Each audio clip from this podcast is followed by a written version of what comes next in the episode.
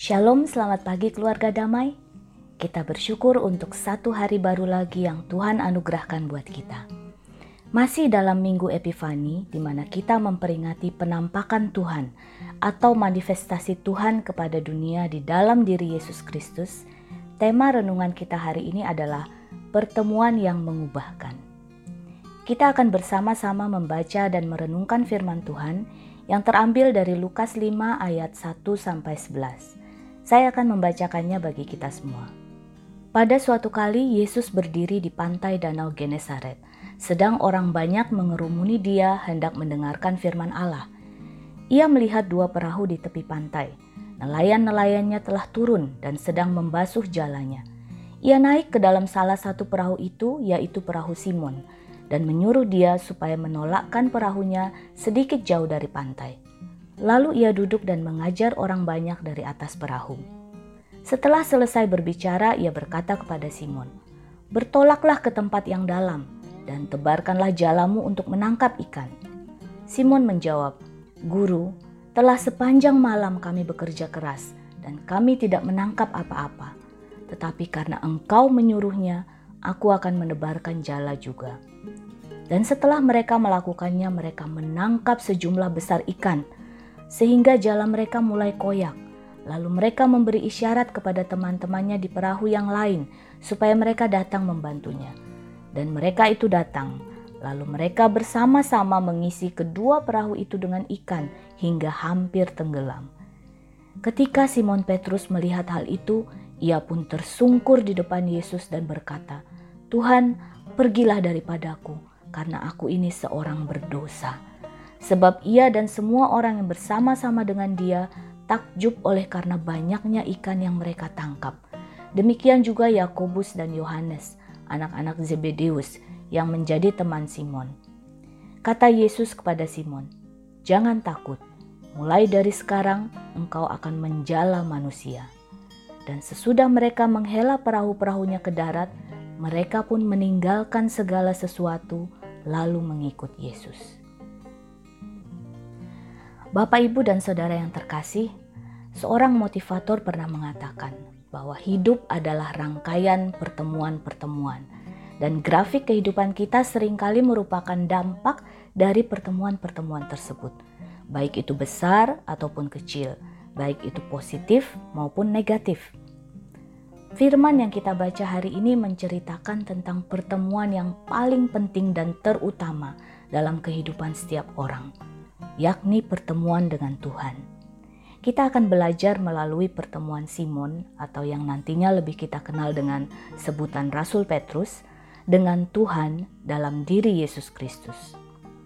Di ayat yang ketiga dikatakan, ia naik ke dalam salah satu perahu itu, yaitu perahu Simon. Dari sini kita melihat bahwa Yesuslah yang melakukan langkah inisiasi untuk mendekati Simon. Tuhanlah yang mengasihi kita terlebih dahulu dan mengungkapkan dirinya kepada kita. Ini adalah kasih yang luar biasa dari pribadi yang maha kuasa. Selanjutnya walaupun tidak tertulis namun kita dapat melihat bahwa Simon menyediakan perahunya bagi Yesus untuk Yesus dapat mengajar.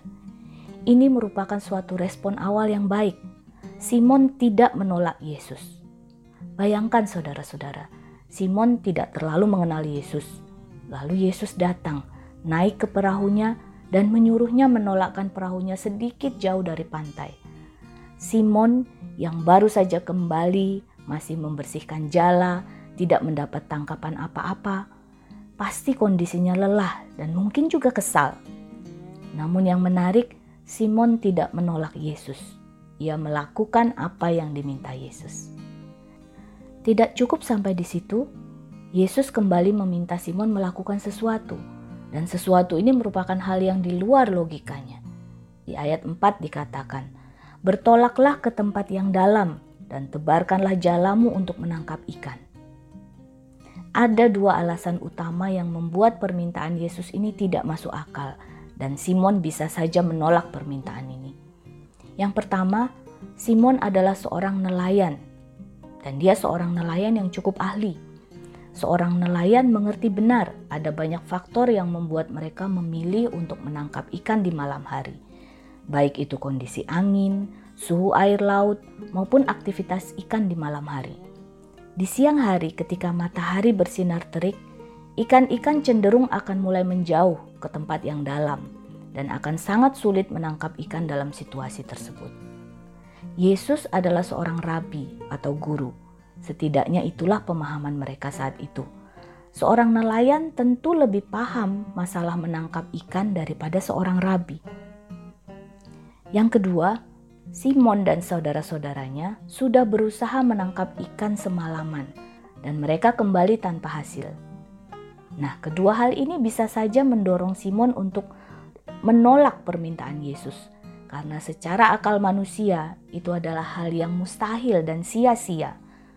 Namun sekali lagi respon Simon di ayat kelima mengatakan, Guru, telah sepanjang malam kami bekerja keras dan kami tidak menangkap apa-apa tetapi karena engkau menyuruhnya, aku akan menebarkan jala juga. Lukas mencatat kata yang dipakai Simon, guru, dalam bahasa Yunani menggunakan kata epistata, yang artinya lebih dari sekedar guru, tapi juga penguasa, guru yang berotoritas. Ini menunjukkan bahwa Simon siap tunduk dan melakukan perintah Yesus. Memang tidak dijelaskan mengapa Simon bisa merespon seperti itu. Tapi saya yakin ketika Yesus berada di perahu Simon mengajar orang banyak, Simon pun turut mendengarkan. Dan Simon dapat melihat otoritas dalam pengajaran Yesus.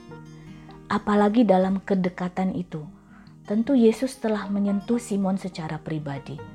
Mungkin lewat nada suaranya atau raut wajahnya. Memang ketika Tuhan memanggil kita, terkadang kita merasa dia menyuruh kita melakukan hal-hal yang di luar kemampuan dan akal budi kita. Tetapi seperti Petrus, ketika kita tunduk akan perintahnya, kita akan melihat keajaibannya yang luar biasa. Ayat-ayat berikutnya dengan jelas menunjukkan betapa Yesus sungguh berkuasa atas segala hal, termasuk ikan-ikan. Ketika melihat tangkapan yang luar biasa itu, Simon tersungkur di hadapan Yesus dan berkata, Tuhan, pergilah daripadaku, karena aku ini seorang berdosa. Ini memang bukan pertama kali Simon Petrus bertemu Yesus. Pada pasal yang keempat, Lukas menuliskan tentang Yesus menyembuhkan ibu mertua Petrus. Tetapi kejadian pada hari itu merupakan suatu keajaiban yang personal buat Simon Petrus. Ia sebagai seorang nelayan yang ahli, yang tahu benar bahwa kondisi saat itu sangat tidak memungkinkan untuk mendapatkan ikan. Namun kenyataannya mereka mendapat ikan yang sangat banyak, bahkan sampai perahu mereka sampai hampir tenggelam. Mujizat yang begitu personal ini sangat menyentuh Petrus dan membuat ia menyadari bahwa Yesus adalah Tuhan dan betapa berdosa dan tidak layaknya dirinya di hadapan Tuhan.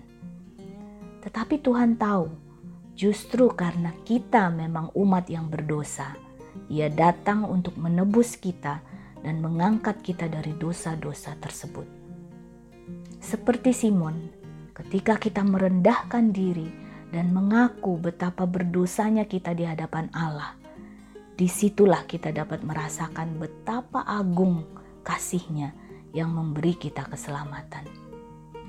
Ketika Yesus melihat Simon yang tersungkur di ayat 10 Yesus berkata, "Jangan takut, mulai dari sekarang engkau akan menjala manusia." Yesus mengerti akan keresahan Simon, akan keberdosaannya, dan Yesus menunjukkan bahwa Simon bisa melepaskan ketakutan itu bersama Yesus. Dan sekali lagi, Yesus menggunakan analogi yang begitu personal kepada Simon Petrus. Dikatakan, engkau akan menjala manusia. Sebagaimana Yesus telah menjala Simon dan saudara-saudaranya, menangkap mereka untuk masuk dalam kasih dan karya keselamatannya.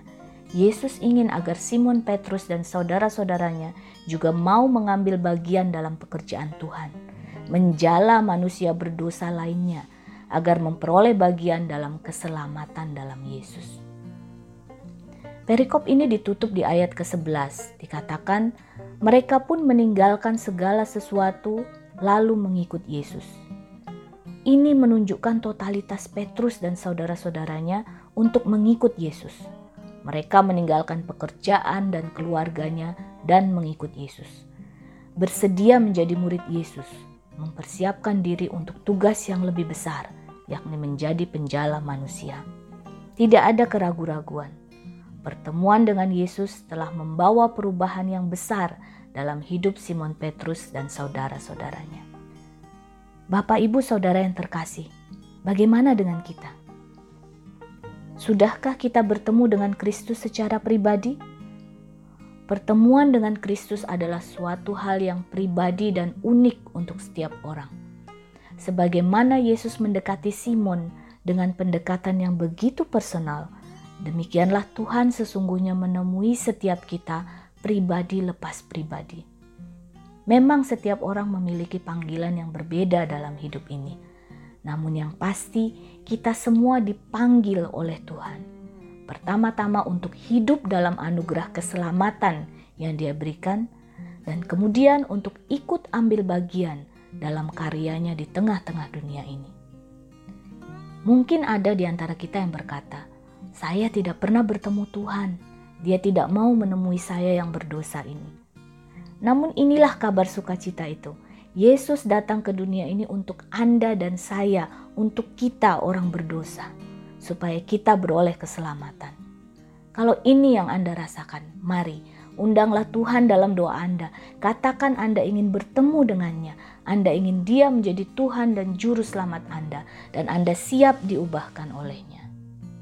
Mungkin ada di antara kita yang berkata, "Saya sudah mengalami pertemuan dengan Tuhan, namun hidup saya tidak berubah. Tidak ada perubahan yang signifikan dalam hidup saya." Kalau ini yang Anda rasakan, mungkin Anda melihat di arah yang salah. Memang, sebagai pengikut Kristus, belum tentu kita akan mengalami perubahan yang luar biasa di mata dunia. Kita bisa saja tetap mengalami kesulitan ekonomi, tetap sakit-sakitan, tetap mengalami kesulitan dalam pekerjaan ataupun pendidikan. Namun, ketika kita sungguh-sungguh menyerahkan hati dan hidup kita ke dalam Kristus, perubahan itu akan terjadi dalam hati dan pikiran kita, dan kemudian terpancar dalam hidup kita. Hati kita akan terus dipenuhi pengharapan akan Kristus dan kerinduan untuk melayani Dia, dan Roh Kudus akan memampukan kita untuk berbuah dalam kehidupan kita. Tuhan sudah mengambil langkah inisiasi untuk menemui kita dalam wujud Sang Firman, Yesus Kristus. Maukah kita untuk terus bertemu dengannya hari lepas hari dan terus tersungkur di hadapannya dan siap untuk mengikut dia? Mari kita berdoa. Allah Bapa yang kami kasihi, terima kasih ya Tuhan karena Engkau yang begitu mulia telah mau datang menemui kami yang hina dan berdosa ini. Tuhan, ajarlah kami untuk boleh mengalami dan menikmati pertemuan denganmu dalam keseharian kami. Dan ajar kami sebagaimana Petrus untuk dapat merespon pertemuan denganmu dengan kesiapan dan kerelaan hati untuk diubahkan dan dipakai sebagai bagian dari karyamu di dunia ini. Terima kasih. Di dalam nama Yesus kami berdoa. Amin. Keluarga damai, perubahan apa yang Anda rindukan terjadi dalam kehidupan iman Anda saat ini? Mari letakkan di bawah kaki Yesus dan biarkan Roh Kudus bekerja dalam hati Anda. Tuhan memberkati.